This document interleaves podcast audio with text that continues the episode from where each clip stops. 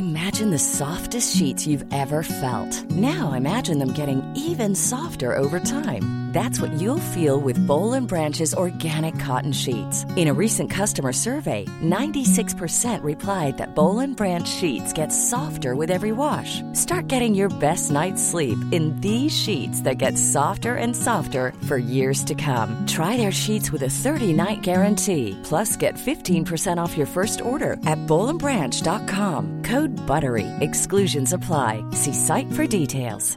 Hiring for your small business? If you're not looking for professionals on LinkedIn, you're looking in the wrong place. That's like looking for your car keys in a fish tank. LinkedIn helps you hire professionals you can't find anywhere else, even those who aren't actively searching for a new job but might be open to the perfect role. In a given month, over 70% of LinkedIn users don't even visit other leading job sites. So start looking in the right place. With LinkedIn, you can hire professionals like a professional. Post your free job on linkedin.com slash people today. Ready to pop the question? The jewelers at BlueNile.com have got sparkle down to a science with beautiful lab-grown diamonds worthy of your most brilliant moments. Their lab-grown diamonds are independently graded and guaranteed identical to natural diamonds, and they're ready to ship to your door. Go to BlueNile.com and use promo code LISTEN to get $50 off your purchase of $500 or more. That's code LISTEN at BlueNile.com for $50 off. BlueNile.com code LISTEN. Palmemordet, gärningsmannaprofilen del 2, ensam galning eller konspiration. Är inte det frågan vi alla ställer oss? Palmeutredningar har ofta snöat in på ensam galning. Privatspanare har ofta snöat in på konspiration. Men i det här avsnittet ska vi presentera gärningsmannaprofilgruppens analys av Palmemordet som är den största officiella utredning av den här frågan som har gjorts. Och det här materialet kommer från granskningskommissionens rapport från 1999. Det kommer att bli ett ganska långt avsnitt men jag tycker att den här analysen är otroligt intressant. Och jag vill påpeka att det här är alltså Ulf Åsgård och Jan Olssons analys och det är inte min analys. Jag kommer försöka undvika att kommentera själv. Men jag kommer inte kunna hålla mig, jag känner mig själv. Eh, den här podcasten görs... Jag jobbar heltid men gör podcast podcasts i YouTube. Och eh, jag måste sätta mat på bordet då så jag letar hela tiden efter sponsorer. Om ni känner till något företag som vill sponsra den här podden hör av er till mig på facebook.com palmemordet. Och ni kan även sponsra själva. Ni kan sponsra med Paypal. Ni kan sponsra med Swish. Och ni kan sponsra på Patreon.com palmemordet. Och det är också från Patreon som jag tar vilket spår jag gör härnäst. Så att och om ni sponsrar mig och har några preferenser för vilket spår ni vill höra om så meddela mig det också. Det ska jag försöka vikta in på något sätt. Jag är också väldigt intresserad av att höra vad du tror. Tror du att Palme föll offer på en ensam galning eller en konspiration? Säg till, säg till i kommentarerna på Youtube helst, eh, även på Facebook, gärna offentligt eller skriv det i en iTunes-recension av podcasten. Då är det dags för Ulf Åsgård och Jan Olssons röster. Och med utgångspunkt i den tidigare redovisningen anser de att man kan konstatera följande. Möjligheterna det är alltså en lång, lång analys. Vi kommer fram till slutsatsen allra sist. Möjligheten att makarna Palme skulle gå på bio diskuteras första gången på Lisbeth Palmes arbetsplats under eftermiddagen den 28 februari 1986. Den biograf som då diskuterades var Spegeln på Birger Jarlsgatan och Mitt liv som hund har har för mig att det var. Tanken att makarna möjligen skulle gå på Grand diskuterades första gången i ett telefonsamtal mellan Lisbeth Palme från hennes arbetsplats och hennes son flickvän som befann sig i sitt hem vid 17-tiden. Olof Palmes första kontakt med bioplanerna var då han kom hem vid 18.30-tiden. När Palme diskuterade bioplanerna med sin son i ett telefonsamtal strax därefter nämndes bägge eventualiteterna, spegeln och Grand.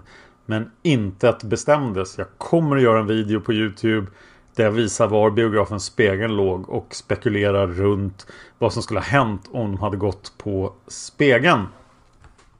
Jag fortsätter citera gärningsmannaprofilen. Under detta telefonsamtal berättade sonen att han redan köpt biljetter till Grands 21.15 föreställning. Som han trodde började klockan 21. Ja, det berättade han förmodligen inte då, men han trodde att det var en nio föreställning. Beslutet att makarna skulle gå på Grand fattades före klockan 20 under en diskussion dem emellan. Detta beslut delgavs ingen utöver att Aspling i telefonsamtal med Olof Palme i anslutning till att makarna var på väg att gå fick veta att de skulle gå på bio utan närmare specifikation. Varken Lisbeth Palmes arbetsplats eller makarnas hem har varit elektroniskt övervakade. Och här råder ju delade meningar och vi kommer att återkomma till det i del 5 av GMP, kritik av gärningsmannaprofilen. Slutsatsen av detta är att vem eller vilka som än mördade Olof Palme antingen förföljde honom från hemmet eller träffade på honom någonstans mellan hemmet och biografen Grand. Alternativt att man träffade på Palme först efter filmens slut. Vidare kan det slå fast att man inte kan ha planerat att mörda Palme vid biografen eller i dess närhet före det att Palme kom dit. Prövning av konspirationshypoteser. Nu kommer alltså GMP ge sig in på ett väldigt långt avsnitt. Vi ska testa om en konspiration är möjlig. Och för att göra det delar GMP upp analysen i enlighet med konspirationens faser. Och en konspiration har ett antal faser där den första är motivationsfasen. Och den här meningen känns svår att säga för att det är så uppenbarligen fel. Men vi återkommer till det i kritikkapitlet. Okej, okay, jag, kommer säga den ändå. Vid tiden för mordet fanns det inte några specifika hot riktade mot Olof Palme. Inte heller förelåg förhållanden av hemlig natur kända av Palmes omgivning som föranledde någon att reflektera över att Palme befann sig i en potentiellt farofylld situation. Konklusionen av detta är om det fanns ett sådant specifikt motiv var det bara Palme själv som kände till det. Utöver dem som i så fall konspirerade mot hans liv. Jag kan inte hålla tyst. Det fanns ju massor av saker. ANC sticker ut direkt. Konferensen som var veckan innan. Ah, ja, vi fortsätter. Detta sluter inte att det kan ha funnits mer allmänna motiv sprungna ur terroriströrelser. Vid tiden för mordet fanns inte någon känd svensk terrororganisation. Men aktiva och sympatisörer till flera utländska terroriströrelser var bosatta i landet. Vidare kan man naturligtvis tänka sig ospecifika motiv med rötter i det i Palmehatet. Sådana motiv kan ha inspirerat en eller annan hem, inhemsk gruppering av udda slag. En sån gruppering kan även ha knutit utländska kontakter med meningsfränder eller organisationer med sammanfällande intressen. Ja, till exempel Sydafrika. Således är det i och för sig tänkbart att en konspiration kan ha iscensatt mordet och alla eventualiteter från statsunderstödd terrorism över mer idealistiska terroristgrupperingar som RAF till mindre professionella, i varje fall mindre erfarna nationella grupperingar måste tas med i beräkningarna. Dessutom kan man inte helt utesluta möjligheten av en konspiration organiserad av ett utländskt underrättelseorgan, till exempel CIA. Vi har tidigare konstaterat att om en konspiration agerat har de lyckats dölja motivet väl. Bland de många nämnda motiven finns inte något som ter sig riktigt rimligt. Vid förhören med Palmes regeringsmedlemmar är det påfallande hur svårt de har att komma på ett rimligt motiv. Däremot nämner flera eventualiteten av ren terrorism knuten till EAP, alltså Europeiska arbetarpartiet, en höginriktad organisation som vi har som ett spår på patreon.com palmemordet. PKK, Rota arméfraktion eller det man benämnt Ustasja. Kroaterna alltså, som inte alls kallar sig för Ustasja. Även om det inte varit möjligt att se motivet direkt efter mordet borde den avsedda effekten nu ha blivit synlig. Men nu menas då 1993. Ingenting i den allmänna debatten antyder att Palmes död haft specifika följder som kan förklara hans död. Oj, här får jag svårt att inte gripa in igen. Men vi går vidare till fas nummer två. Kartläggningsfasen. Det kan förutsättas att sammansvärjningar som haft stöd av erfarna eller professionella personer inom området använt sofistikerade metoder i alla faser fram till undanskaffandet av bevis. Det är således möjligt att man inte skulle upptäcka spår av en sån organisation. I de övriga fallen bör man däremot kunna räkna med att i ett eller flera avsnitt av utredningen finna tecken på bristande professionalism. Förutsättningar för kartläggning. Man kan jämföra kartläggningen inför ett mord med motsvarande arbete inför en kidnappning. Eh, Kidnapparligan måste i och för sig vara ännu mer förberedd eftersom man har för avsikt att ta offret levande.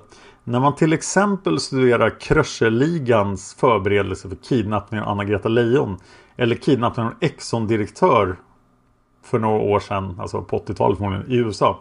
Är det påfallande hur lång tid man ägnade åt förberedelser. I Exxon-fallet rörde det sig om minst fyra månaders förberedelser.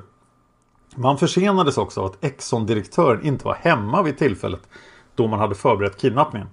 Totalt sett rörde det sig om närmare fem månader innan man kunde genomföra attacken. Det var endast två personer som agerade. En tidigare säkerhetschef och dennes hustru. I kartläggningen av lejon deltog betydligt fler personer som vi pratade om i RAF-avsnitten. Den tyska statsgerillan Rote arméfraktion ägnade såväl, sig såväl åt kidnappningar som direkt dödande attacker. I bägge situationerna tog det veckor till månader innan man slog till och ett halvdussin personer var engagerade vid varje tillfälle. Vid attacken mot Herrhausen, den pratade vi faktiskt inte om, hade man grävt ner den elektriska laddningen till bomben sex veckor innan man slog till. Man ägnade visserligen parallell uppmärksamhet åt flera offer, vilket försvårar bedömningen av hur lång tid det tog i de enskilda fallen. Vid attentatet mot Letelier engagerades kontraktmördaren Townley nära tre månader innan. Townley kommer vi att prata om för det är ju mannen som faktiskt har haft det enda officiella, eh, officiella det enda kända kontraktet på döda Palme för pengar. Men det kommer vi tillbaka till i Chilespåret. Denna tid användes för att rekrytera ytterligare två gärningsmän och åt att kartlägga offret. Slutsatsen är att även om det är skilda uppgifter att kidnappa och döda finns det ändå uppenbara likheter och det tar lång tid att kartlägga och förbereda en attack av något slag. Det innebär i detta fall bör man gå långt bak i tiden för att upptäcka eventuella förberedelser till attentatet. Ett övervakningsarbete av Palmer bör rimligen ha varit ett svårt arbete eftersom det var tämligen kallt under veckorna och månaderna före mordet. Väntan i kall väderlek för att fastställa Palmes rutiner torde ha praktiskt försvårat kartläggningen. I den situationen vore övervakning inomhus att föredra. Det finns några få lägenheter kring Palmes bostadshus som skulle lämpa sig för övervakningsändamål. Och ni kan se vad Palme bor på Youtube-kanalen Palmemordet där jag har varit och filmat huset. Ingen av de här lägenheterna används i detta syfte. Det finns ett antal kaféer och butiker på ömse sidor om Västerlånggatan som skulle kunna tjäna delvis samma syfte. Det finns inga rapporter som antyder att de används på detta sätt. Och kom ihåg att när jag säger det här så är det Ulf Åsgård och Jan Olsson som talar. Västerlånggatan kröker sig från norr mot öster. För att ha en god överblick över intressanta rörelser i eller invid Palmes port behöver man vistas nära. Det medför att en person inte räcker för att hålla porten eller lägenhetsfönstren under uppsikt. En ensam övervakare skulle tilldra sig till exempel butiksägarnas uppmärksamhet. Under den kalla årstiden är det dessutom vanligt att gatan är tämligen folktom vilket ökar svårigheten att övervaka obemärkt. Baksidan av Västerlånggatan 31 är lättare att övervaka än framsidan eftersom man inte uppmärksammas lika lätt till följd av det färre antalet människor som rör sig där. Framsidan har förstås den fördelen att man kan röra sig fram och tillbaka i folkströmmen utan att bli uppmärksammad så mycket. Det finns inga informationer om misstänkta personer från baksidan av fastigheten. En betydande komplikation vid kartläggning av Olof Palme är möjligheten att livvakterna kan ha varit sysselsatta med skyddsspaning. Vilket medför att man för att väcka minsta, uppmärksamhet måste, minsta möjliga uppmärksamhet måste variera antalet kartläggare och deras beteende.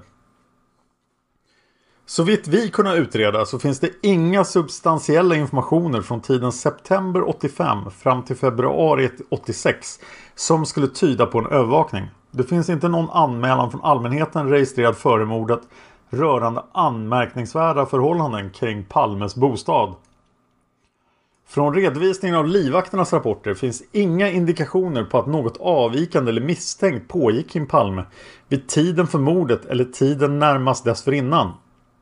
Av spaningsrapporter från SÄK framgår att en känd representant, representant för PKK sågs vid två tillfällen i Gamla stan under 1985.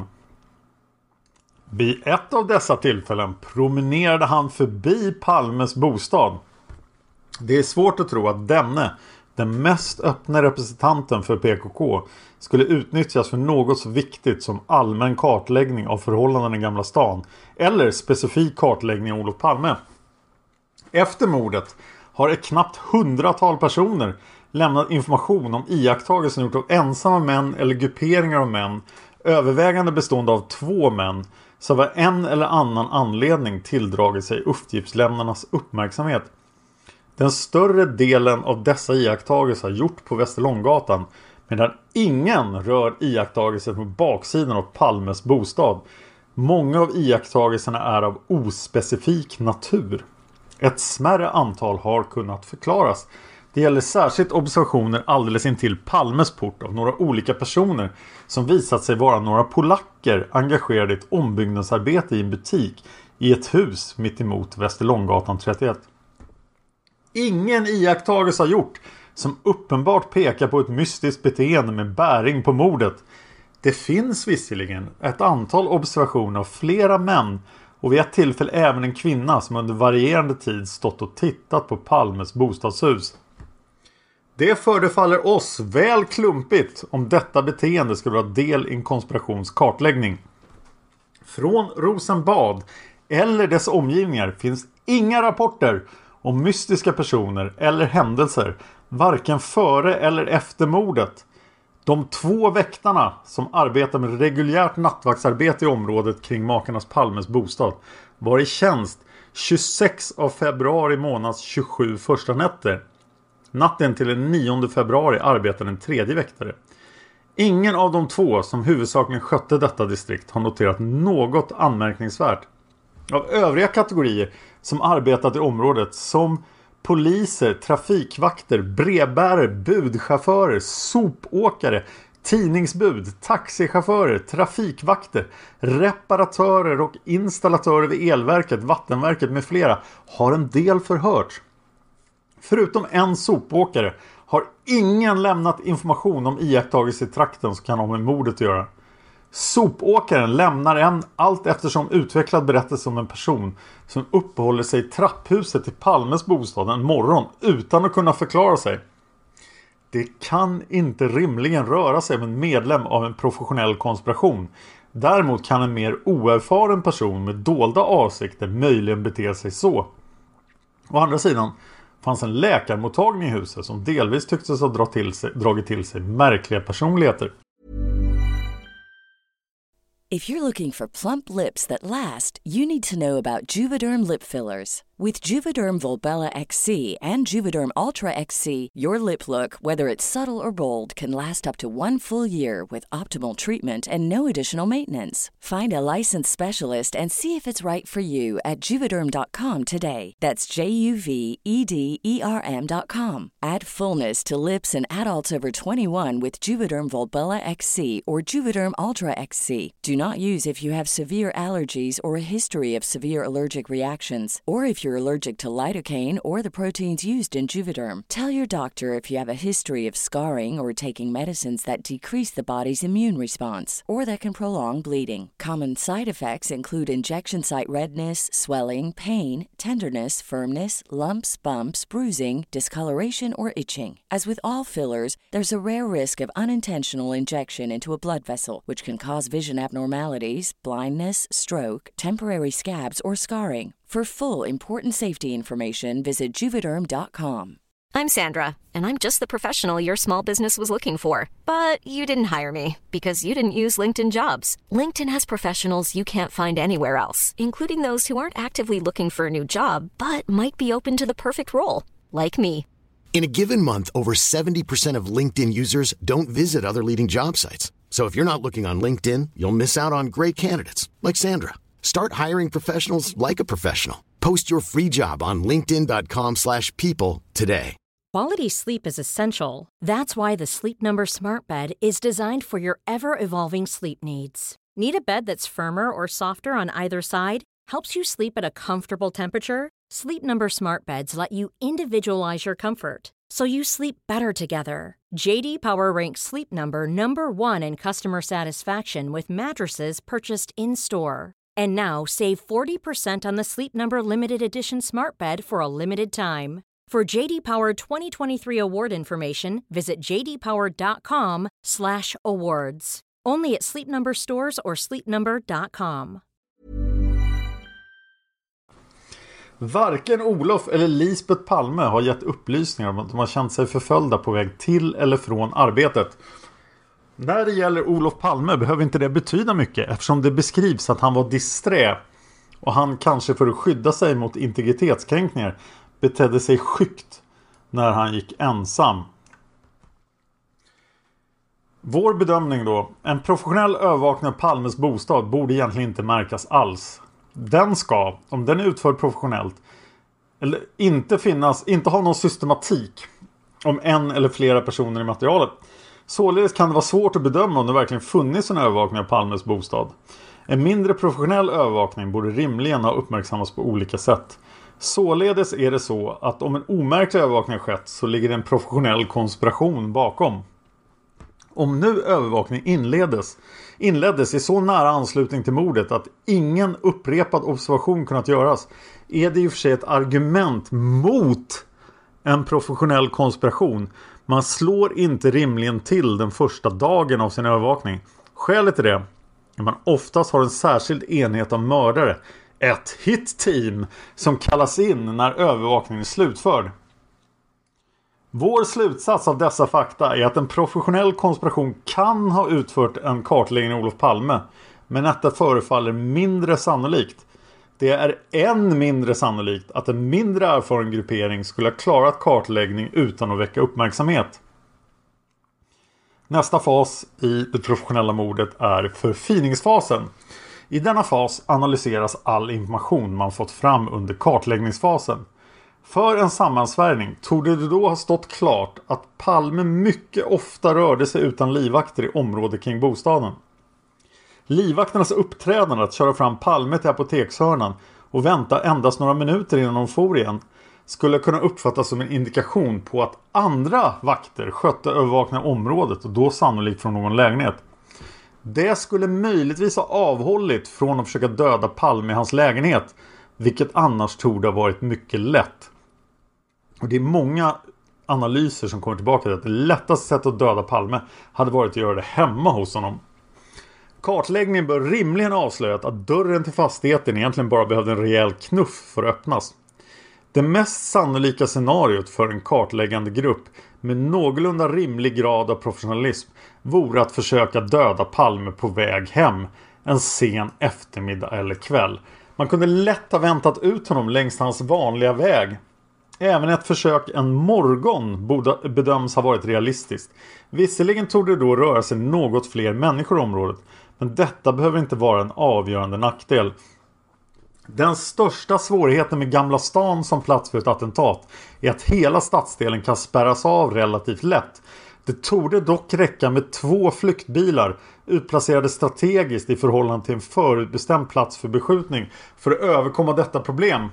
Det alternativ som nu eventuellt användes att vänta ut Palme en sen fredagskväll inför eventualiteten att han skulle bege sig till en mer lämplig plats synes ligga bortom fantasins gränser och mänsklig förmåga till förutsägelse. Det är ganska hårda ord. I detta sammanhang är det restaurangbesök som makarna Palme gjorde två dagar före mordet intressant. En professionell liga hade haft ett flertal tillfällen dessförinnan att slå till när Palme rörde sig utan livvakter men gjorde det inte. Här, den 26 februari öppnar sig ytterligare ett gyllene tillfälle som man inte tog tillvara. Detta är även det ett argument emot att en professionell organisation ligger bakom Palmemordet. Nästa fas är genomförandefasen. Till denna fas räknar Åsgård och Olsson all aktivitet runt Palme av en konspiration från det att han lämnade Rosenbad strax för 18.30. Under denna fas måste en konspiration ha haft en eller flera personer på plats i Gamla stan. Samband kan ha upprätthållits med walkie-talkies med lång räckvidd för att kunna diskutera den senare uppkomna situationen. Men det kan ju lika väl ha skett per telefoner i automater eller i butiker. Att Palme skulle gå på bio kunde inte förutsägas. Varför walkie-talkie enda alternativet för att lämna meddelandet om att han kommit hem. Om inte kartläggarna bara hade uppgift att rapportera Palmes rörelser dagen därpå till ledarna för gruppen. Således är walkie-talkies inte ett eh, nödvändigt krav. Det finns en iakttagelse av person med radiokommunikationsapparat i ett prång nära Palmes bostad vid 1930-tiden. Den gjordes av två personer i ett sällskap på fyra. Beskrivningen av situationen i sin helhet bedöms dock av oss som irrelevant. När makarna Palme lämnade sin lägenhet hade Olof Palme varit hemma i över två timmar. Man kan fråga sig vad en kartläggare hade för uppgift vid den tidpunkten. Det hör till de relativa ovanligheterna bland personer i Palmes ålder, han är 59 år här, och ställning. Att man går ut så sent på kvällen. Nöjena är främst tillkomna för yngre publik. Bjudningsmiddagar börjar inte så sent.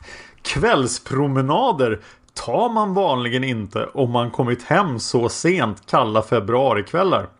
Kartläggarens enda realistiska uppgift skulle således ha varit att kontrollera när Palme släckte i lägenheten för natten. Detta ter sig minst sagt långsökt.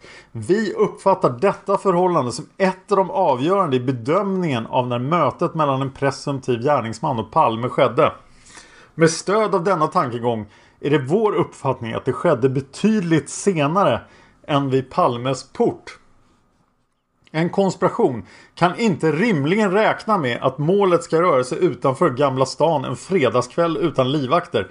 Om man mot förmodan skulle ha varit kvar vid bostaden och kunnat förfölja Palme så kan man ju inte ha vetat vart han skulle ta vägen.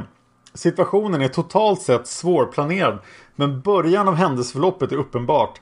Målet rör sig utan livvakter i ett område där flyktmöjligheterna är välkända. Det är sannolikt att man har haft för avsikt att gå till attack om man genomfört en övervakning. Ändå ingriper man inte och går inte till attack i Gamla stan under promenaden ner mot tunnelbanestationen. Man kan fråga sig varför. Det enda rimliga svaret är att den övervakare man hade på plats inte var beväpnad och att flyktfordonen inte fanns uppställda. Annars är ju mörka gränder i ett relativt folktomt område ett perfekt ställe att gå till attack här borde man också väntat på makarna när de skulle komma hem efter biobesöket. Och använt väntetiden till att beväpna sig, ställa upp flyktbilar och vidta andra nödvändiga åtgärder. Under första delen av Palmes promenad till tunnelbanestationen observerades han och Lisbeth av fyra personer. En av dem har angivit att hon sett en man stå några meter in i Gnati-gränd en kort bit från Västerlånggatan 31 Förutom vad vi anfört tidigare är den placeringen av en övervakare olycklig eftersom hotell Lord Nelson har stora perspektivfönster mot Ignategränd genom vilka receptionisterna har sin huvudsakliga utsikt. Där bör man således inte stå om man önskar förbli anonym och smälta in i miljön. Tjänstgörande receptionist har heller inte observerat någon person under längre tid eller vid flera tillfällen.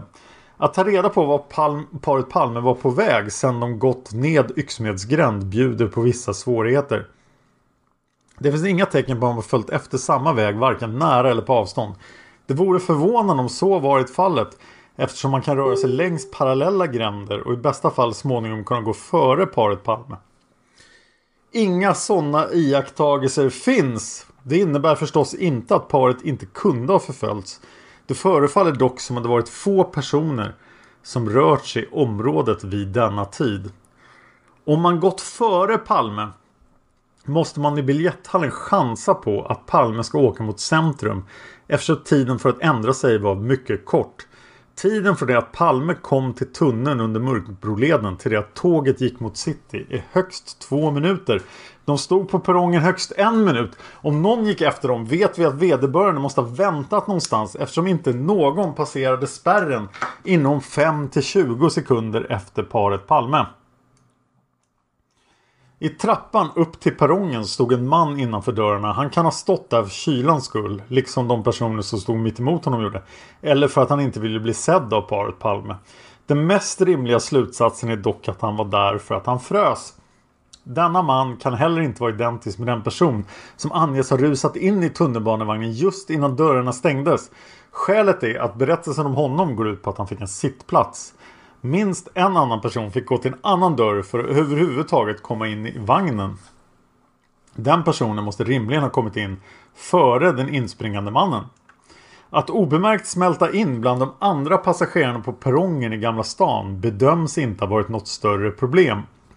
Visserligen är en mängd personer identifierade eh, på perrongen och deras, deras rörelser för, för, i fortsättningen har utretts. Men det finns visst utrymme för en eller flera oidentifierade.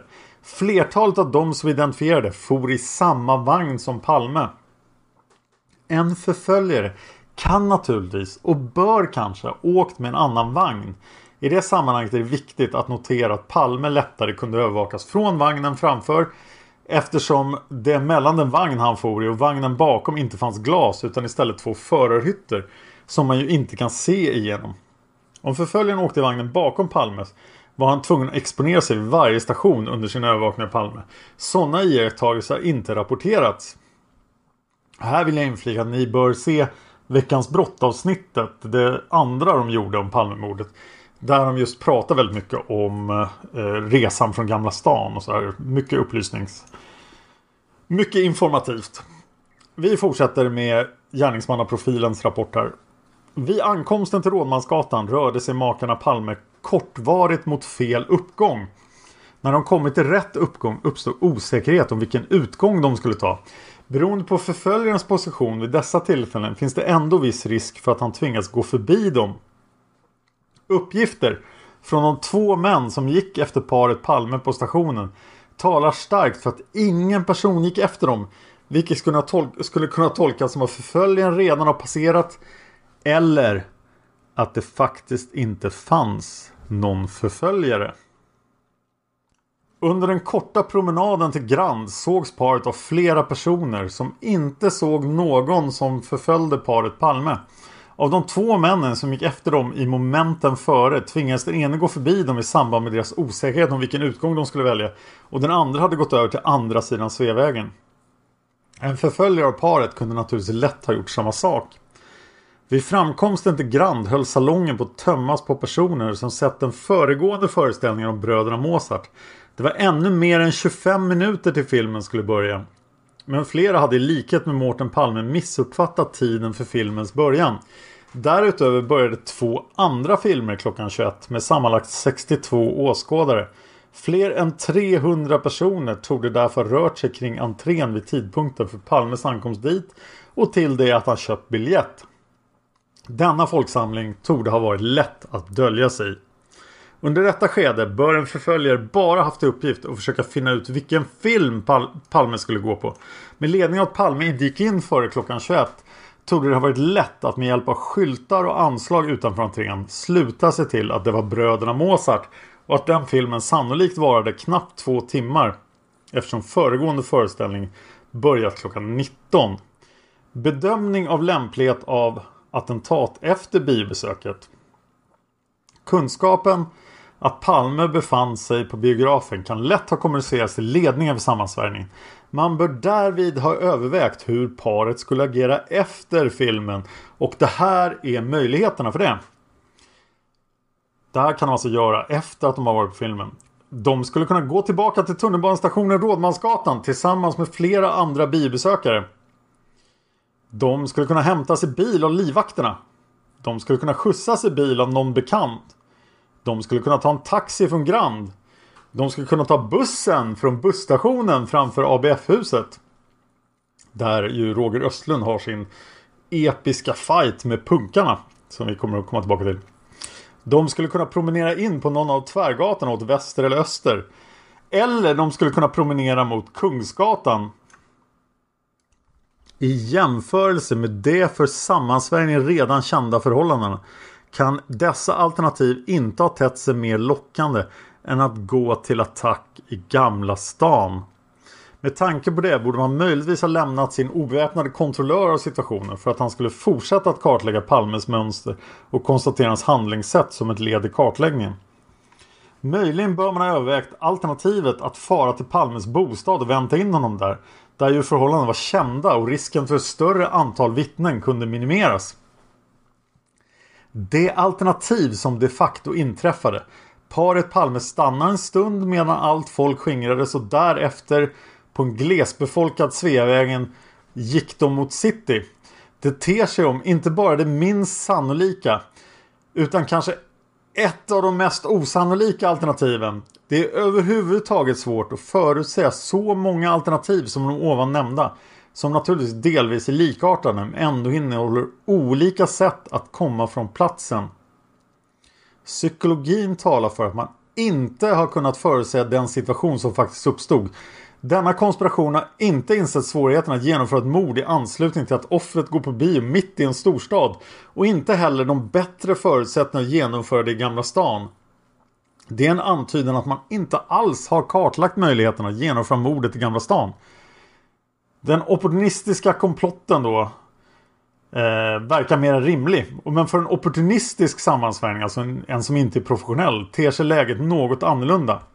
Om man inte ens har sett hur Palme kommit till biografen är alla alternativ ungefär lika sannolika. Dock bör det ha varit svårt att konstatera huruvida Palme hade livvakter omkring sig i det fallet. Vilket troligtvis skulle bli första invändningen för de mest inflytelserika i en opportunistisk konspiration. Om vidare planläggning skulle inte ha kommit till stånd. Man bör vidare ha avstått från operation i cityområden fredag kväll. För där fanns ett otal polisbilar i rörelse på ett helt oförutsägbart sätt. Om man ändå hade bestämt sig för att agera ter det sig mer sannolikt att man kunnat konstatera att Palme kommit, ut, ut, kommit utan livvakter till Grand och att man satsat på alternativet att han skulle promenera från biografen i någon riktning. Vår bedömning är dock att det är relativt osannolikt att man skulle dra igång en organisation för att satsa på möjligheten att Palme skulle promenera hela vägen hem sent en kall februarikväll Medan ett försök att genomföra attentatet under en promenad till en T-banestation inte kan avföras. Det krävs dock en närmast, osannolikhet, närmast osannolik brist på omdöme hos en grupp personer om just detta skulle uppfattas som den bästa möjligheten att skjuta Olof Palme. Fördelar och nackdelar med att mörda Palme måste övervägas under en längre tid. Även bland vildhjärnor och skulle därför hellre leda till försök till kartläggning snarare än att bara rusa och stad. Den mentala förberedelsetiden för en mordgrupp bör rimligen vara längre än en dryg timme. Hypotesen om den opportunistiska konspirationen får därför inte också ringa stöd i denna delen av analysen. Och här kommer då Åsgård Olsson fram till vad jag sa i den första filmen jag la upp på Youtube. Att det mest troliga alternativet måste ju vara att de lämnar bion och gör precis samma sak. Alltså de går tillbaka till samma tunnelbanegång som de kom ifrån. Så.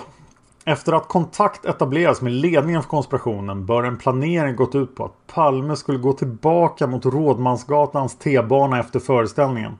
Om man nu bedömt det vara värt försöket borde en eller två flyktbilar placerats ut på ömse sidor om Sveavägen i riktning norrut från Grand. Därefter möjligen som reserv ett par bilar ett eller flera kvarter från Sveavägen. De agerande personerna bör varit minst fyra stycken. Någon övre gräns kan inte anges men fler än sex personer verkar vara orimligt många. De agerande bör ha bidat sin tid inomhus någonstans och transporterat sig till biografens omgivningar någonstans mellan 22.30 och 22.45. En viktig uppgift under filmföreställningen bör, bör ha varit att rekognosera biografens utgångar. Reservutgången mot Tegnérgatan som regelmässigt användes är inte lätt att hitta. Jag var faktiskt tvungen att gå ut med väggen och titta efter den. Men man ser den om man vet att den finns. Om man inte har varit på biografen. En beväpnad konspiratör bar, har haft till uppgift att bevaka just den utgången. I närområdet till biografen har inga misstänkta bilar rapporterats med rimlig anknytning till mordet. Varken i området norrut eller åt något annat håll. Det innebär självfallet inte att ovanstående scenario inte genomförts. Det kan ju ha skett diskret. Vad händer då efter filmföreställningen för en konspiration? Den utpekade gärningsmannen bör ha instruerats att hålla sig i närheten av biografen. För att vara säker på att komma efter Palme bör han ha uppehållit sig söder om biografentrén. Nu inträffar flera av de många oförutsägbara händelserna. Strax före den föreställning Palme bevistade slutade föreställningen om Gå och se, som alltså var en film då, som rätteligen borde ha slutat senare. Filmprojektorer visar sig dock ha varierande hastighet vilket gör det svårt att beräkna sluttider för en visning. Ett knappt 40-tal personer strömmade ut från biografen. Det torde ha föranlett ökad, uppmärksamheten hos, ökad uppmärksamhet hos gärningsmannen. Kanske rörde han sig mot entrén. Under denna period måste han även ha riktat sin uppmärksamhet mot vittnet Lars E eleganta bil som flera biobesökare trodde var en livvaktsbil som skulle hämta Palme. Den tanken bör rimligen även ha slagit den tänkte gärningsmannen i en konspiration. Strax efter kommer cirka 200 besökare ut från föreställningen av Bröderna Mozart och Palme drog sig några tiotal meter söderut utan att visa minsta intresse för den eleganta bilen. Nu eh, står han istället i sällskap med ett yngre par, sonen Mårten och hans fästmö. Och de ställer sig framför bokhandelns skyltfönster. I detta moment tog gärningsmannen ha lugnats ytterligare i sin eventuella tro att Palme skulle hämtas i den eleganta bilen.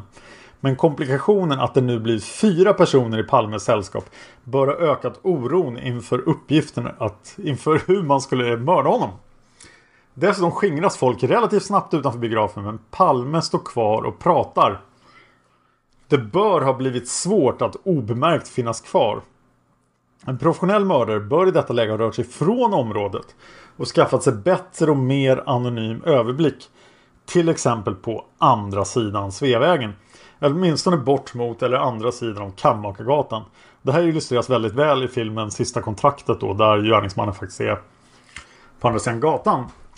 En ytterligare osäkerhet bör ha uppstått om i vilken riktning Palme skulle gå. Om han kan tänkas gå åt ett annat håll än man planerat bör detta ha ökat oron. Gärningsmannen måste blint lita på att hans medkonspiratörer i så fall agerar genom att snabbt omgruppera flyktfordonen. Om inte det kan ske så att han ser det. De som i en ytlig betraktelse i efterhand ter sig så enkelt att bara följa efter och skjuta innehåller en rad komplicerande moment som en professionell semiprofessionell konspiration kan ha haft betydande svårigheter att lösa. Det bedöms inte rimligt att även gärningsmannen har haft en walkie-talkie eller annan radiokommunikation öppen under denna fas med tanke på risken att det ska uppmärksammas av personer i närheten. Radiokommunikation med öronmussla är naturligtvis tänkbar men ändå opraktisk och löser inte hans behov att kunna kommunicera utan att det uppmärksammas. Det finns heller inga iakttagelser av människor som radiokommunicerar i detta kritiska skede av operationen. Varken i detta eller något annat område. Och här håller jag igen för att inte kritisera. Som sagt, del 5. Kritik av GMP. Åsgård och Olsson fortsätter. Från Grand till mordplatsen är det cirka 330 meter. Det tar drygt 5 minuter att promenera i maklig takt. När paret Palme börjat promenaden fortsätter de Sveavägen söderut ett lämpligt avstånd att förfölja på kunde vara 25 50 meter för att inte väcka uppmärksamhet. När ett tillräckligt folktomt ställe bjuder sig tar det inte många sekunder att nå fram till offret. Dessutom är det ett oeftergivligt krav att i detta skede försöka fastställa om det inte finns några livvakter i närheten. Av vittnesuppgifter att döma har förföljandet skett på betydligt närmare avstånd vilket i sig bedöms utgöra tecken på bristande professionalism men det kan även bero på kunskap att det inte fanns livvakter kring Palme. Kunskap som han fått genom att förfölja honom före biobesöket. Det är först när paret Palme korsar Sveavägen som det är tämligen säkert att det inte finns några livvakter kring dem och att ett närmande kan ske. Paret stannar direkt när de kommit över på andra sidan Sveavägen och tittar i Sari-butikens skyltfönster. I detta läge måste gärningsmannen bestämma om han ska skjuta eller inte. Av flera skäl bestämmer han sig för att avstå. Den mest sannolika förklaringen är att det rör sig människor i närheten. Men eftersom han följt efter så nära tvingas han passera paret Palme. Den fortsatta promenaden längs Sveavägens östra sida är ofullständigt känd. Endast ett vittne, Nikola F, har sett paret Palme under denna del. Hans uppfattning är att han såg dem vid La Cartier-butiken i kvarteret mellan Adolf Fredrik kyrkogata och Tunnelgatan. Han såg att en person gick efter dem längst ut på trottoaren. Det innebär att gärningsmannen måste ha väntat in paret någonstans eftersom de stod en stund vid Sari-butiken. Trottoaren är mycket bred men att stanna upp och vänta ökar risken att dra uppmärksamhet till sig. Enligt Lisbeth Palme stannar man vid ytterligare något butiksfönster. I detta läge tvingas gärningsmannen passera Palme. Och ett rimligt val i denna situation är att gå en rejäl bit framför dem.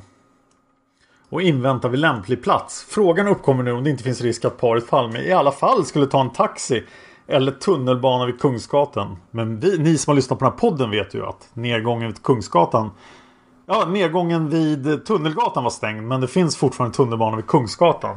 Så är det förstås. I så fall börjar möjligheterna snabbt rinna ut för gärningsmannen och det första tillfället blir vid Tunnelgatan som ger en rimlig chans att springa in på en sidogata efter skotten. Efter denna korsning finns inte så många lämpliga möjligheter om ens någon. Svaret på frågan varför mordet inträffade där det faktiskt gjorde är således troligtvis att det var den enda plats den kunde ske på. Utan att lägga orsaksdimension i påståendet blir det således att offrets beteende avgör valet av den plats där mordet ska äga rum. Vilket i sig kan vara ett tecken på bristande professionalism hos gärningsmannen. Som ju sannolikt helst vill agera på en förvald plats. Denna bedömning ändras inte i grunden om man tänker sig att gärningsmannen gick över Sveavägen betydligt längre söderut. Själva mordet då? Av vittnet Inge M's berättelse synes framgå att mördaren kom före paret Palme till Dekorima-butiken. Av flera andra vittnesmål framgår det minuterna före mordet att det inte fanns någon som stod i Dekorima-hörnet. Gärningsmannen kan ha hunnit se runt hörnet in på Tunnelgatan och sett byggfuttarna stå där och bedömt dem som en fördel med den möjligheten till osedd flykt som de erbjöd. Dessutom kunde ju en bil inte ta upp jakten på honom. Det kan ha rört sig om högst 30 sekunder innan paret Palme kom fram till Dekorima-butiken. Den slutliga bedömning gärningsmannen gjort i detta läge bör ha innefattat följande komponenter. Gärningsmannen bör ha tänkt på att vittnet Anders B kommer gående alldeles bakom paret Palme. Gärningsmannen bör ha tänkt på att trafiken på Sveavägen har just stannat och det finns tre bilar på västra sidan och minst två på östra sidan om Sveavägen. Paret går mycket nära varandra, eventuellt i armkrok. Paret Palme kan komma och se honom innan de går förbi. Uppenbarligen ansåg sig gärningsmannen kunna bortse från Anders B. Denna beskrevs visserligen ha varit berusad men han raglade inte. Framförallt bilarna med direkt överblick över korsningen bör ha uppfattats som faromoment. Att paret gick så nära varandra bör ha uppfattats som komplikation eftersom en konfrontation av något slag med Lisbeth Palme kunde förväntas. Av Anders B och Inge M's vittnesmål tycks framgå att gärningsmannen la sin vänstra hand på Palmes axel innan han sköt. Detta kan ha skett för att stabilisera målet men också för att skjuta Palme ifrån sig för att på det sättet minimera att Palme vände sig om eller skulle göra motstånd. Skottet mot Palme har träffat i den ovanligt kraftigt markerade mittsömmen på hans rock som torde ha utgått, utgjort ett gott riktmärke vid beskjutningen. Det behöver således inte ha varit ett avgjort tecken på professionalism att skjuta så mitt i prick. De tekniska undersökningarna synes visa att gärningsmannen efter skottet mot Palme måste ha vridit sin hand mot höger för att kunna träffa Lisbeth Palme med andra skottet. Eftersom att, då, eftersom att han har då släppt taget om den fallande Palme är vår bedömning att han har skjutit mot Lisbeth för att döda henne. Direkt efter skotten vände sig Lisbeth Palme mot gärningsmannen och skrek Nej, vad gör du? I det momentet stoppade gärningsmannen på sig vapnet, backade steg och vände sig därefter om mot öster och begav sig lunkande senare springande från platsen. En professionell mördare bör rimligen ha hunnit eliminera det besvärliga vittnet. Men det ska även tas med i beräkningen att just i första skjutögonblicket började bilarna röra på sig och de kan ha uppfattats som ett större hot. Det är en märkvärdig brist på professionalism att gärningsmannen stoppar på sig vapnet så tidigt när han kan komma att behöva det som allra mest. Nämligen för att skydda sig själv under flykten. Om man beaktar att ingångshålet i Lisbeth Palmes kappa ligger i samma horisontella nivå som den tvärgående sömmen är det rimligt att anta att gärningsmannen hade för avsikt att träffa henne mitt i ryggen som han gjorde med Olof Palme. Orsaken att det inte blev så är sannolikt att Lisbeth Palme vände sig om till sin vänstra sida till följd av knallen från första skottet och att hon drogs med i makens fall mot gatan. Samtidigt fördröjdes gärningsmannens avfyrning av att han antingen spände hanen för hand eller använde sig av double action-funktionen. Och nu går Åsgård Olsson in på själva flykten. Flykten bör rimligen ha skett i riktning mot ett upphämtade fordon. Detta fordon måste således ha stött, stått öster om Johannesgatan. De vittnesuppgifter som beskriver mördarens flykt talar för att han sågs gående på Snickarbacken i riktning Birger Om ett fordon fanns i närheten borde han då kanske ha sprungit mot det i visshet att han skulle komma ur situationen. Men han gick fortfarande och skylde sitt ansikte med handen. Detta talar emot att ett flyktfordon fanns i närheten. Var skulle det ha stått? En professionell liga borde ha haft ett flyktfordon mycket nära mordplatsen. Helst alldeles intill för att kunna ta sig ur situationen så snabbt som möjligt. De förändrade förutsättningarna måste ha tvingat dem att föra flyktfordonen fram och tillbaka längs gatorna en bit från det heta området från Regeringsgatan och västerut. De gator som i första hand kommer i fråga är Birger och Karlavägen. Ett sådant agerande ökar risken, inte bara för gärningsmannen utan även för övriga sammansvurna som tvingas vänta i bil utan att veta om mördaren var förföljd, i värsta fall av beväpnade poliser. Det uppkommer även svårighet att på optimalt sätt nå den andra flyktbilen som rimligen bör ha stått uppställd någonstans. Hur gick då kommunikationen mellan gärningsmännen till? Utöver visuell kontakt som kan vara väl så effektiv i många skeden kan det förutsättas att en konstellation som det här är fråga om bör ha haft tillgång till en radiokommunikation. I första hand bör det varit nödvändigt under kvällen den 28 februari för att kommunicera mellan bilar. I tidigare skeenden också nödvändigt för att kunna kommunicera snabbt vid eventuella förföljanden. Kommersiellt tillgängliga mobiltelefoner var vid tiden för mordet alldeles för otympliga att bära på medan utbudet apparater för direkt radiokommunikation var stort. Således kan man anta att i materialet kan man finna beskrivningar av personer med sådana apparater. Det finns 40 observationer av män bärande på eller talande i walkie-talkies eller motsvarande. Kategorin annan plats utgörs uteslutande av närområdet till Sveavägen eller Grand. Men de mest avlägsna observationerna är vid Gallerian respektive Norra Bantorget. Walkie-talkie-observationer före 28 i andra utanför Gamla stan kan inte saklöst avföras från diskussionen eftersom det socialdemokratiska partihögkvarteret ligger mitt emot biografen Grand och kan tänkas ha ingått i en övervakningsoperation. Däremot syntes observationer där eller kring Sveavägen under den 28 februari före det att paret Palme lämnade hemmet kunna läggas åt sidan eftersom det var okänt till och med för paret Palme själva att de skulle befinna sig där under kvällen. Och här måste jag inflika att eh, nej, inte om man eh, tänker på mötesteorin men den ska vi också återkomma till i ett senare spår. Men Åsgård och Olsson konstaterar att nu återstår endast två walkie-talkie-observationer som bägge har kunnat förklaras. Intressant, eller hur? Vi återkommer till det i Walkie-Talkie-männen, det spåret. Av de sex observationerna efter mordet tog det på samma grunder de två observationerna i Gamla stan kunna avföras från diskussionen. Av de återstående har några kunnat förklaras efter kontroll med väktarbolag, spaningsrotlar hos polisen och med andra användare av radiokommunikationsapparater. I det resterande materialet fäster man sig vid avsaknad av observationer i tunnelbanan under färden mot biografen. Ett skede där man verkligen kan ha haft behov av kommunikation. Vidare är det påfallande att det inte finns några observationer i området norr om Grand där man hade kunnat förvänta sig dylik aktivitet. De återstående observationerna har noggrant analyserats. Ingen av dem kan passas in i ett rimligt scenario Orsaken härtill till har varit att de tidsmässigt är orimliga eller att för att de skett på en plats som inte rimligen har varit aktuell i sammanhanget. De mest intressanta iakttagelserna av män vid walkie-talkie görs vid 21-tiden mellan 21 och 23 och slutligen i nära anslutning till mordet.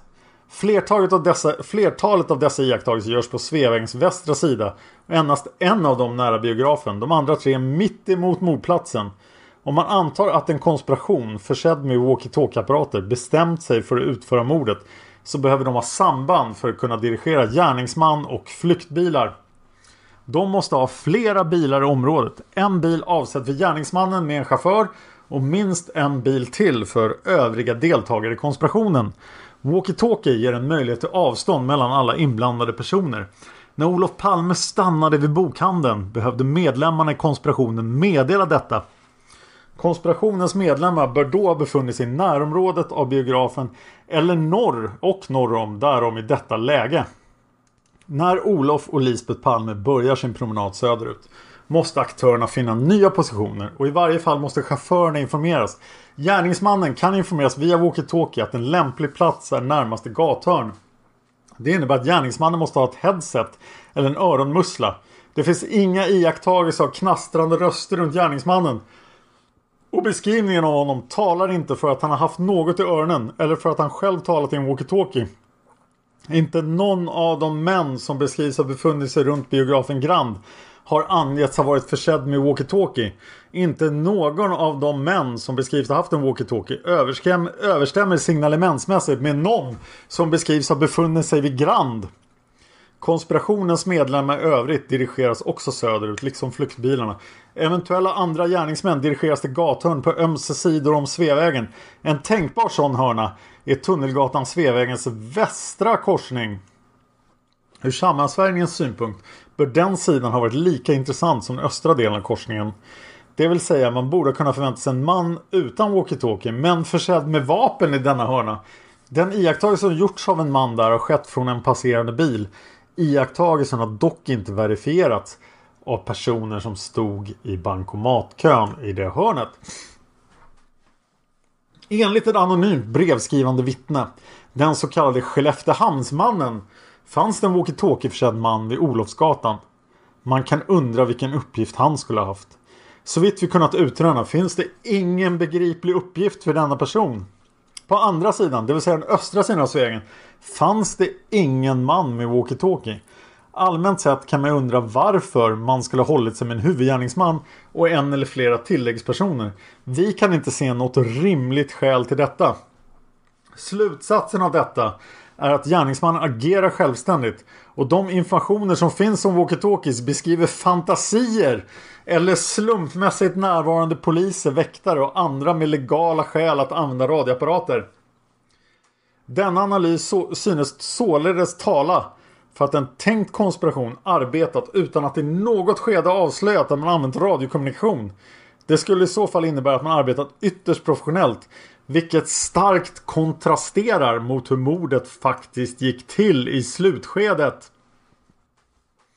Vår sammanfattning av genomförandefasen och vår bedömning att gärningsmannens beteende under genomförandefasen talar emot att han skulle vara av särskild eller professionell beskaffenhet vilket man borde förvänta sig av en professionell eller semiprofessionell konspiration. Vidare synes de taktiska bedömningar som gjorts tyda på betydande brister. Vilket visas i flera faser av genomförandet. Efter mordet då, förutom de självklara momenten att skydda och gömma gärningsmannen alternativt transportera ut honom ur landet tillkommer ett stort antal åtgärder för att skaffa undan all bevisning i form av hyreskontrakt, kvitton och mängd andra lämningar efter en större operation. För detta krävs personella resurser och dessutom personer som inte har hela bilden klar för sig före mordet. Men som naturligtvis efter det kan förstå vad som har pågått. Inte någon person med sån kunskap har hört av sig till utredningen, vare sig direkt eller indirekt.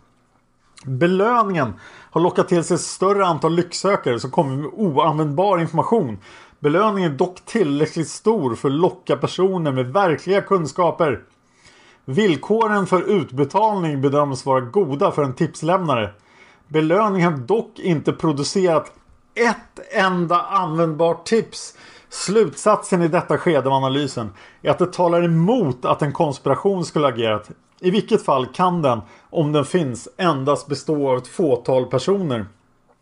Under natten efter mordet ringde en tysktalande person till en svensk diplomat i Bonn, ja, som ni väl känner till sedan RAF-avsnitten, och sa att Rotarmé fraktion har begått mordet.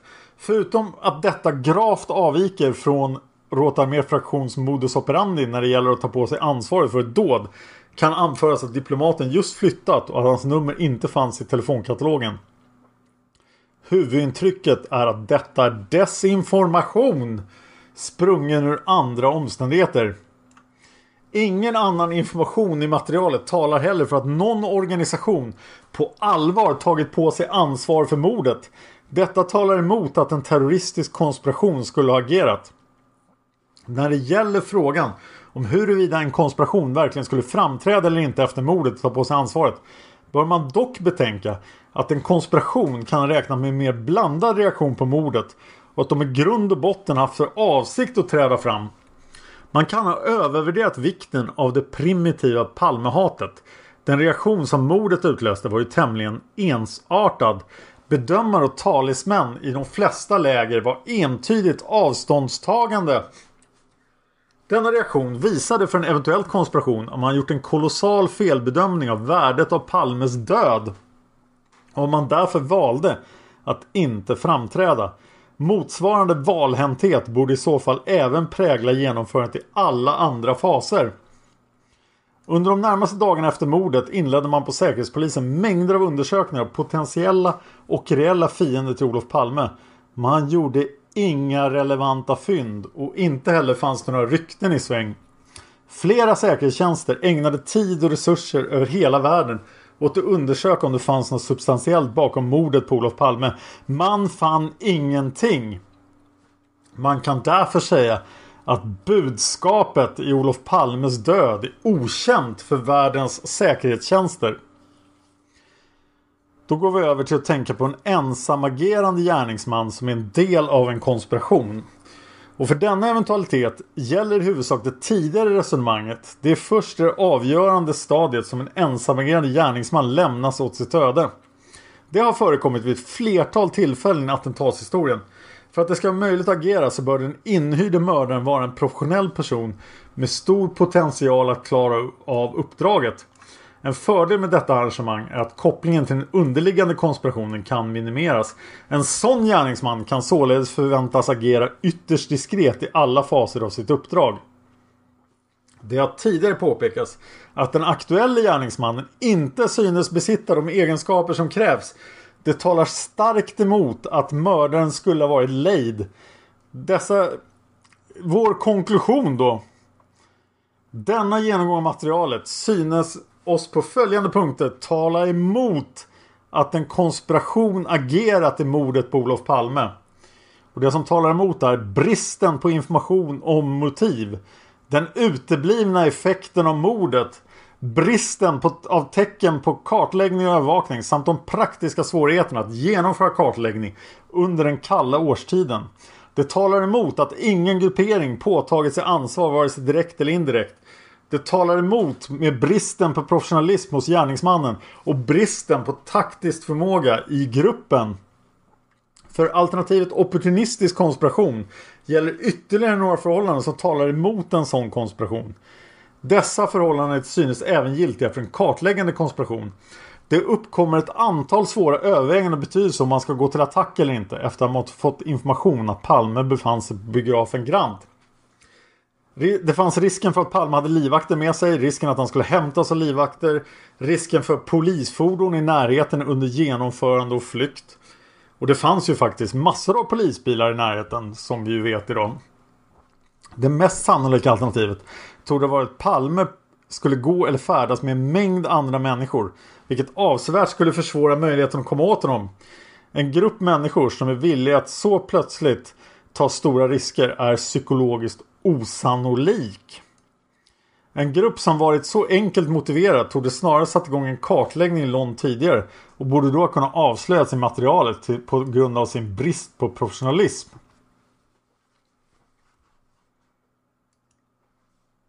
Och efter att ha avfärdat konspirationerna av alla de slag då så går Åsgård och Olsson in på prova hypotesen om en ensam agerande gärningsman. Den ensamagerande gärningsmannen kan ha kartlagt och övervakat Palme genom vandringar kring Rosenbad och kring statsministerns bostad. I kontrast till den mer bestämda konspirationen kan han uppehållit sig kring Palmes bostad i många timmar, ofta förgäves. Men denna kväll öppnar sig plötsligt en möjlighet. Liksom när det gällde konspirationen är detta alternativ dock osannolikt eftersom det saknas information om övervakare vid bostaden. Den ensamagerande kan förutsättas vara mindre förslagen och förutseende varför möjligheten att upptäcka honom bör ha varit större. Motsvarande resonemang kan föras kring ett slumpmässigt möte mellan offer och gärningsman under färden till biografen. Det finns inga säkra tecken på att Palme förföljdes. Vid biografen Grand, i den stund Palme anländer dit, observeras dock en person som under en stund uppehåller sig framför entrén. Han tycks stå på tå och stirra in i foajén just när Palme går in och så småningom ställer han sig i biljettkön. Utöver att detta beteende kan ha implikation i detta ärende finns minst två andra tänkbara personer, äh, förklaringar. Personen i fråga kan ha varit på bion och kommit ifrån anhöriga eller bekanta som man nu letar efter. Det kan också röra sig om en nyfikenhet på Palme som vederbörande kanske aldrig har sett i verkligheten. Ingen av förklaringarna kan uteslutas men om man kopplar upp signalementet för denna person med andra observationer framkommer betydande likheter med den person som sköt Palme. Sen gärningsmannen konstaterat att Palme gått in på biografen kan tanken snabbt ha runnit upp i honom att söka kontakt med Palme eller att döda honom. I det syftet stannar gärningsmannen kvar på platsen och ser efter vilken film Palme ska besöka. Möjligen blir han så upphetsad av situationen att han tidigt lever sig in i rollen som attentatsman. Att han på ett påfallande sätt stryker längs husväggen och rör sig bort mot busshållplatsen. Sen Palme kommit ut på gatan efter att ha köpt biljetter. Möjligt, möjligen kan han därvid ha konstaterat att Palme talade under en längre tid med ett yngre par, alltså Mårten och hans fästmö. Detta kan ha stört gärningsmannen, men troligen har han inte varit beväpnad och inte heller klar med beslutet att gå till attack. Eftersom det troligtvis har funnits möjligheter att attackera Palme sedan denne kommit ut på gatan efter biljettköpet. Så vad gjorde då den ensamma gärningsmannen under föreställningen? Under det att Palme bevistade filmföreställningen måste gärningsmannen ha åtminstone preliminärt beslutat sig för att försöka, äh, försöka sig på att skjuta Palme och under den tiden ha försett sig med vapnet.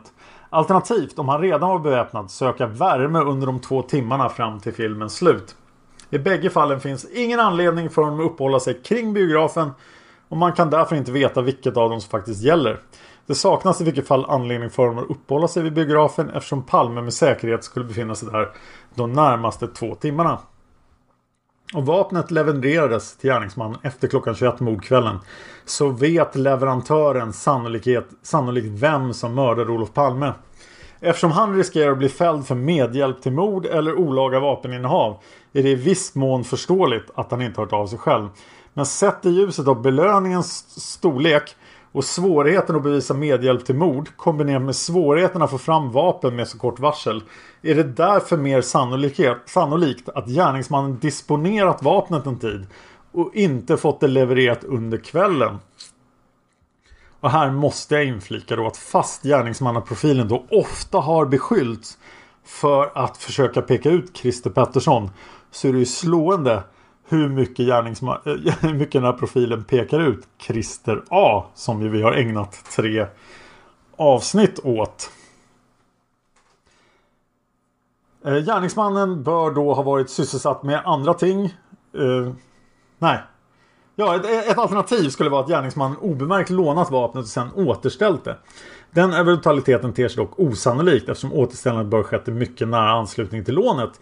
Gärningsmannen bör då vara sysselsatt med andra ting som att fly undan eller skaffa sig alibi. Under föreställningens gång finns ett antal beskrivningar av män som uppehåller sig kring biografen.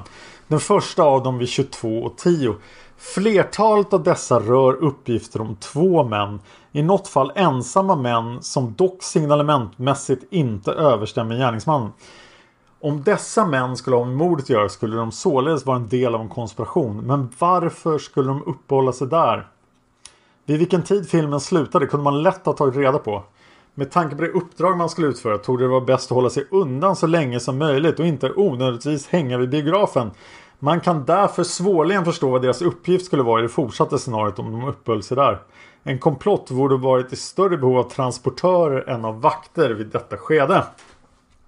Från 22.50 görs ett antal observationer av den person vi bedömt vara gärningsmannen Därför att hans beteende inte är kongruent med uppträdandet hos personer med legala ärenden i området. Det vill säga, han beter sig mystiskt. Han har varit borta från området under drygt en och en halv timme. Det ter sig naturligt att komma tillbaka i god tid. Här således cirka en kvart innan filmen skulle sluta. Han kan behöva på plats inom sig repetera sin tanke eller planering. Efter att ha uppehållit sig på östra sidan av Sveavägen närmar han sig biografen vid 23-tiden. Strax därefter slutar en annan film och ett knappt 40-tal personer strömmar ut från biografen. Det kan inte ha förutsatts av gärningsmannen och det är påfallande hur han, när alla besökare, utom två unga kvinnor kommit ut, går fram till entrédörrarna och stirrar in genom glasrutorna. Det verkar som att han inte haft riktigt klart för sig vilken film Palme faktiskt gått på. Han går fram för att se om Palme är kvar i foajén. Därefter uppehåller han sig ytterligare några minuter alldeles utanför entrén. Han vankar fram och tillbaka. Detta skulle i och för sig vara samma beteende som en bekant till någon som bevistade föreställningen skulle kunna uppvisa. Men det finns inte beskrivet att någon med detta utseende hämtade någon vid biografen. Gärningsmannen agerar påfallande och utan rimligt hänsynstagande till möjligheten han ska kunna observeras. Detta beteende torde inte höra till en professionell mördares beteende. Gärningsmannen ger intryck av bristande tålamod i det att han går fram till entrén när det tilltänkta offret inte kommit ut som förväntat. Inte heller detta hör till proffsmördarens beteende. Och vad gör då mördaren efter föreställningen om man är ensam? Den därpå följande observationen av gärningsmannen görs vid möbelaffärens fönster i samband med att Olof Palme påbörjar sin promenad mot city. Det är inte osannolikt att han kunnat höra vad Palme har sagt. Och även om han inte gjorde det tog det inte påverka det fortsatta förloppet eftersom det finns många alternativa vägar till Gamla stan. Däremot tog det vara ovedersägligt att han såg hela sällskapet stå och samtala en stund. Det är anmärkningsvärt att han påbörjar förföljandet av paret Palme i så nära anslutning till att sällskapet bröt upp i två riktningar och dessutom före det att Mårten Palme och hans fästmö passerat honom. Gärningsmannen följer efter till en början på knappt 20 meters avstånd men efter en 150 meter lång promenad beskrivs det att han befann sig endast 10 meter efter paret Palme, det är alltså vid korvkiosken. Under denna promenad är det sannolikt att man mött ett gäng ungdomar som kan ha föranlett gärningsmannen att vänta ytterligare en stund med att skjuta. Efter att Palme korsat Sveavägen kort efter att de passerat korvkiosken vid Adolf Fredriks kyrkogata blir det nödvändigt för gärningsmannen att passera dem. Anna måste han vänta bakom dem vilket torde ha blivit alltför påfallande. I detta läge bör det ha stått klart för den ensamme gärningsmannen att Palme inte hade några livvakter. Och man kan undra varför han inte gick till attack då. Av utredningsmaterialet framgår att det troligen fanns flera personer i närheten som gick i bägge riktningarna vid platsen. Varav flera var tämligen unga och kan ha uppfattats som potentiella ingripare. Flyktmöjligheterna vid Sari-butiken bör dock bedömts vara bättre än vad de varit på motsatta sidan av Sveavägen. Möjligen kan det förhållande att Palme stod vid ett stort skyltfönster ha avhållit gärningsmannen med den risk för spegelbilder som kan finnas. Slutligen kan förloppet ha varit så snabbt att gärningsmannen inte hunnit överväga möjligheterna utan har tvingats passera paret Palme. Det har tidigare påpekats att det fortsatta förloppet under promenaden fram till mordplatsen är ofullständigt känt och delvis fullt av motsägelsefulla uppgifter. Vittnet Nicola F som säger sig ha mött Palme vid La Cartier-butiken har sett en man på några meters avstånd men ute vid trottoarkanten. När han senare hör skotten vänder han sig om och säger att mannen som förföljde Palme hoppar in och ut ur porten vid Dekorima-butiken. Det beteende han beskriver är vittnet Anders B's beteende. Det här har vi ju pratat om förut. Av vittnet Inge M's uppgifter framgår att GM stod bredvid butiksentrén vid Dekorima under någon tid. Således måste han någonstans ha passerat paret Palme. Om Nikola Fs vittnesmål är riktigt borde det ha skett i samband med att paret Palme stannar vid ytterligare någon butik utöver Saributiken. Lisbeth Palme minns inte om de stannar vid något ytterligare skyltfönster. Däremot framgår det att paret gick långsamt och det tog det räcka för gärningsmannen att passera dem. Hans beteende vid mordet talar dock för att han inte önskade ögonkontakt med offret utan att hela, han hela tiden haft intentionen att utföra mordet bakifrån. Därför talar det mesta för att han inte gick förbi Palme för att han önskade det utan för att han tvingades göra det. Nästa steg är den ensamme gärningsmannens agerande vid mordplatsen. Vid mordplatsen hade gärningsmannen god uppsikt över paret Palmes förehavanden och om det fanns personer på väg mot den plats där han stod. Genom att titta söderut kunde han för stund för stund bedöma lämpligheten av attack. Däremot kunde han inte från sin position se trafikljusens omslag. Men han kunde förstås se trafikens rörelser. Strax innan Palme gick förbi honom torde ljusen ha slagit om till rött och trafiken stannat. Rakt fram i gärningsmannens synvinkel stod tre bilar, bilar varav tre, två i ytterfilen närmast honom. Vid trafikhuset söder om mordplatsen stod också tre bilar. Bakom paret, Palme, bakom paret Palme gick vittnet Anders B. Gärningsmannen torde ha sett Anders B under någon stund innan dess och bedömde honom uppenbarligen inte som ett hinder. Tämligen omedelbart efter att Palme passerat gärningsmannen gick den senare upp bakom Palme och tog med sin vänstra hand på Palmes axel vilket kan ha gjorts för att skjuta Palme framåt eller för att hålla honom stabil. Cool fact a crocodile can't stick out its tongue. Also, you can get health insurance for a month or just under a year in some states. United Healthcare short term insurance plans, underwritten by Golden Rule Insurance Company, offer flexible, budget friendly coverage for you. Learn more at uh1.com. Flexibility is great. That's why there's yoga. Flexibility for your insurance coverage is great too. That's why there's United Healthcare Insurance Plans. Underwritten by Golden Rule Insurance Company, United Healthcare Insurance Plans offer flexible, budget friendly coverage for medical, vision, dental, and more. One of these plans may be right for you if you're, say, between jobs, coming off your parents' plan, turning a side hustle into a full hustle, or even missed open enrollment. Want more flexibility? Find out more about United Healthcare Insurance Plans at uh1.com. Hey, it's Paige DeSorbo from Giggly Squad. High quality fashion without the price tag? Say hello to Quince. I'm snagging high end essentials like cozy cashmere sweaters, sleek leather jackets, fine jewelry, and so much more. With Quince being 50 to 80% less than similar brands. And they partner with factories that prioritize safe, ethical, and responsible manufacturing. I love that. Luxury quality within reach. Go to quince.com slash style to get free shipping and 365 day returns on your next order. Quince.com slash style. Direkt därefter höjde gärningsmannen revolvern och sköt. I det ögonblicket hade bilförarna fått grönt ljus och bilarna börjat röra sig. Palme torde momentant ha fallit framåt och gärningsmannen kan ha följt med ett kort ögonblick. Liksom Lisbeth Palme. I den rörelsen och under det att han tog ett steg bakåt vände han revolvern mot fru Palme. Sen han gjort det stoppade han på sig revolvern, tog ytterligare ett steg bakåt. Därefter syntes han tveka något varefter han började springa Tunnelgatan västerut. Så vitt Lisbeth Palme kan påminna sig sa gärningsmannen ingenting. Men två vittnen har hört henne säga något. Som en av dem minns som Nej men vad gör du? Detta tog ha skett efter det andra skottet. Det var en konstig bedömning. Åsgård och Olsson fortsätter.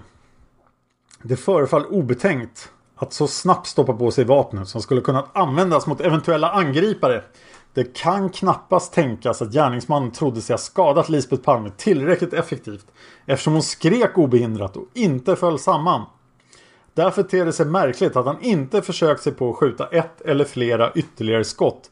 Även om Palme föll framåt direkt torde en professionell gärningsman ha skjutit ytterligare ett eller annat skott företrädesvis i huvudet för att vara säker på att han verkligen hade lyckats.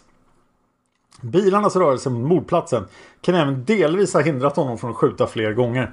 Tendensen till kvardröjande kan naturligtvis tolkas som att gärningsmannen övervägde vad han skulle göra. Men om han redan stoppat på sig vapnet det är mer sannolikt att han helt enkelt blev förvirrad över vad han åstadkommit. Sen pratar Åsgård Olsson om det andra skottet. Skottet som träffade Lisbeth Palme är delvis svårt att bedöma eftersom det saknas en närmare beskrivning av hur det gick till. Av tekniska undersökningar framgår dock att riktningen för den första respektive andra kulan skiljer sig mer än 20 grader. Vidare framgår att skotten avlossades i mycket kort intervall. Det mest sannolika är därför att gärningsmannen, eftersom han inte rörde sig bakåt efter första skottet, riktat vapnet mot Lisbeth Palme och avlossat ett skott i syfte att döda henne. I linje med vad som senare anförs om motiven att döda Olof Palme är det sannolikt att gärningsmannen velat döda även henne motiverat av att hon var associerad med sin make. Objektet för gärningsmannens hat. Vidare till gärningsmannens flykt. När gärningsmannen passerat Luntmakargatan bad han att springa upp för trapporna. Han kunde ha valt rulltrappan som går parallellt med trapporna. Att han inte gjorde det kan bero på att rulltrappan stod stilla eftersom den stängs av automatiskt om den inte används. Gärningsmannen kan ha trott att den inte fungerade alls varvid det skulle ha blivit mer ansträngande som trappstegen är högre. Å andra sidan beskrivs det att han tog minst två trappsteg i taget den vägen han sprang. Även den kraftiga belysningen i rulltrappan, liksom att han kanske inte kände till den alls, kan förklara att han inte tog den snabbaste vägen upp till Malmskillnadsgatan. Han hade inte lång tid på sig att fatta beslut om vägval. Under språngmarschen upp mot Malmskillnadsgatan observerades gärningsmannen av en person som såg honom stanna en kort stund uppe på krönet och trappan. Möjligen för att pusta ut en stund men också för att se om någon följde efter. Han fortsatte att springa under det att hantera en liten väska med en dragkedja som han drog i.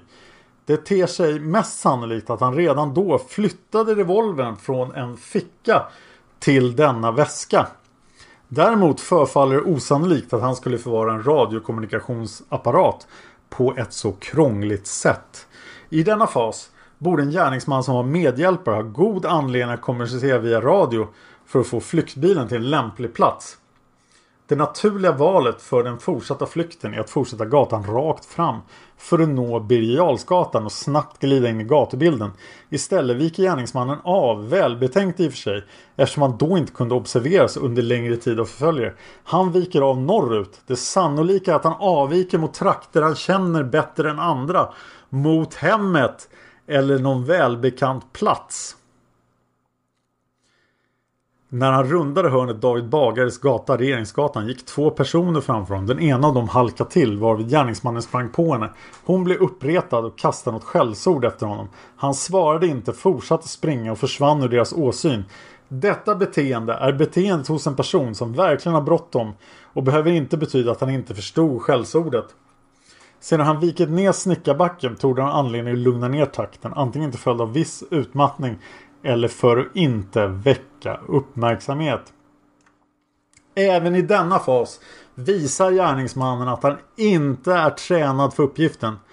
Han stoppar undan sitt vapen, hans klädsel verkar opraktisk vilket tyder på brist på förutseende. Hans kondition tycks inte räcka för en rejäl språngmarsch.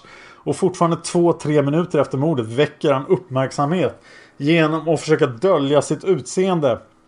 Gärningsmannens val av flyktväg antyder lokalkännedom. Nu kommer vi fram till gärningsmannens analys av händelseförloppet. Det finns inga tecken på elektronisk övervakning. Det finns inga tecken på direkt bevakning av Palme. Det är osäkert men inte sannolikt att en kartläggning förekommit.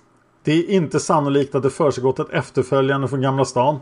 Det är osäkert men inte sannolikt att någon följt efter i tunnelbanan. Med viss sannolikhet är det troligt att något efterföljande från Rådmansgatans tunnelbanestation till biografen Grand inte har skett. Någon bevakning vid Grand har inte skett före det att Olof Palme kom dit. Någon bevakning under föreställningen tycks inte heller ha skett. Medan det däremot finns sådana tecken strax innan föreställningen slutade. Det är helt klart att det föreligger ett efterföljande för biografen till mordplatsen. Att en gärningsman ensam flytt från mordplatsen och att ingen annan flytt iväg i någon annan riktning i närheten av mordplatsen. Ingen organisation har påtagit sig ansvaret för mordet på ett övertygande sätt. Belöningen har inte lockat någon att skvallra eller ange någon på ett övertygande sätt. Det finns inga underrättelseorganisationer som har någon information av värde om mordet. Mordet har inte haft en iakttagbar effekt som skulle kunna förklara en konspirationsmotiv. De prövningar huvudhypotesen har utsatts för har visat att den professionella konspirationen med flera gärningsmän eller en lejd mördare liksom den opportunistiska komplotten inte kan fås att passa in i de mönster som rekonstruktionen och analysen genererat. Genom uteslutningsmetodik och genom betrakta den faktiska gärningsmannens agerande kan man sluta sig till att han har varit ensam agerande. Genom en serie beteenden visar gärningsmannen att det brott han har gjort är tillkommet under improviserade former hos en person som fått möjlighet att agera spontant snarare än en välplanerad akt hos en erfaren person uppbackad av andra. I den forskning kring brottsplatser och brottslingar som utförs främst vid FBI har en praktisk uppdelning framkommit, nämligen vad vi i Sverige kallat organiserat respektive kaotiskt brott. Denna klassifikation har sitt ursprung i sexualmord men har även kunnat användas vid annan brottslighet där eventuella sexuella moment i varje fall inte varit helt uppenbara. Självfallna modifikationer måste göras men i all väsentlighet visar sig dessa två typer av brott begås av två olika typer av gärningsman. Mordet på Olof Palme sett i sin helhet synes väsentligen kaotiskt. Tecknet på detta är Brottet är inte planerat utan spontant. Gärningsmannen visar sig vid biografen. Gärningsmannen har högriskbeteende genom att inte ta större hänsyn till människor omkring bilar och eventuella civila poliser. Det förekommer ingen konversation före beskjutningen. Genomförandet är oklart genom att Lisbeth Palme beskjuts men inte dödas. Gärningsmannen förefaller lätt förvirrad omedelbart efter det att han har skjutit och brottet är till sig synes motivlöst. Det finns några drag av ett organiserat brott. Gärningsmannens tålamod att vänta två timmar efter möte med offret. Och att gärningsmannen visar sin avsikt mycket sent i förloppet. Så vi kan konstatera här att Åsgård och Olsson är helt inne på att Palmemordet utförts av en ensam galning. Och kom ihåg nu att det här är vad gärningsmannaprofilen säger och inte vad jag säger. Allting jag sagt här idag kommer från gärningsmannaprofilen. Och det finns en anledning att vi har ett femte avsnitt som sagt med kritik av gärningsmannaprofilen. Men i nästa avsnitt av den här serien så ska vi lära känna gärningsmannen. Vi ska titta på själva gärningsmannaprofilen hur är den här människan som sköt Olof Palme enligt gärningsmannaprofilen? Och det är allt för dagens avsnitt. Om ni gillar den här podden blir jag jätteglad om ni recenserar den på iTunes och Stitcher. Jag blir jättelycklig om ni bidrar med några dollar för Patreon.com slash Palmemordet fungerar i dollar. Om ni tycker att Patreon och dollar verkar bökigt kan ni även använda Swish eller Paypal och kontakta mig då på Facebook slash Palmemordet. Ni kan även nå mig på Twitter på Dan Horning för Twitter gillar inte Ö. Och om ni gillar Game of Thrones så gör jag en podcast om Game of Thrones också som heter Game of Thrones Chat. Där jag och min vän Thomas överanalyserar varje avsnitt av Game of Thrones. Plus pratar om en massa annat. Eh, ja, det var allt för denna gång. Nästa gång Gärningsmannen. Tack för att ni lyssnar på podcasten Palmemord. Det här avsnittet blev väldigt långt men jag tycker det är viktigt att ta del av den här analysen. För det här är som sagt den mest omfattande analysen av den här frågan. Ensam galning eller konspiration. Vi hörs nästa vecka.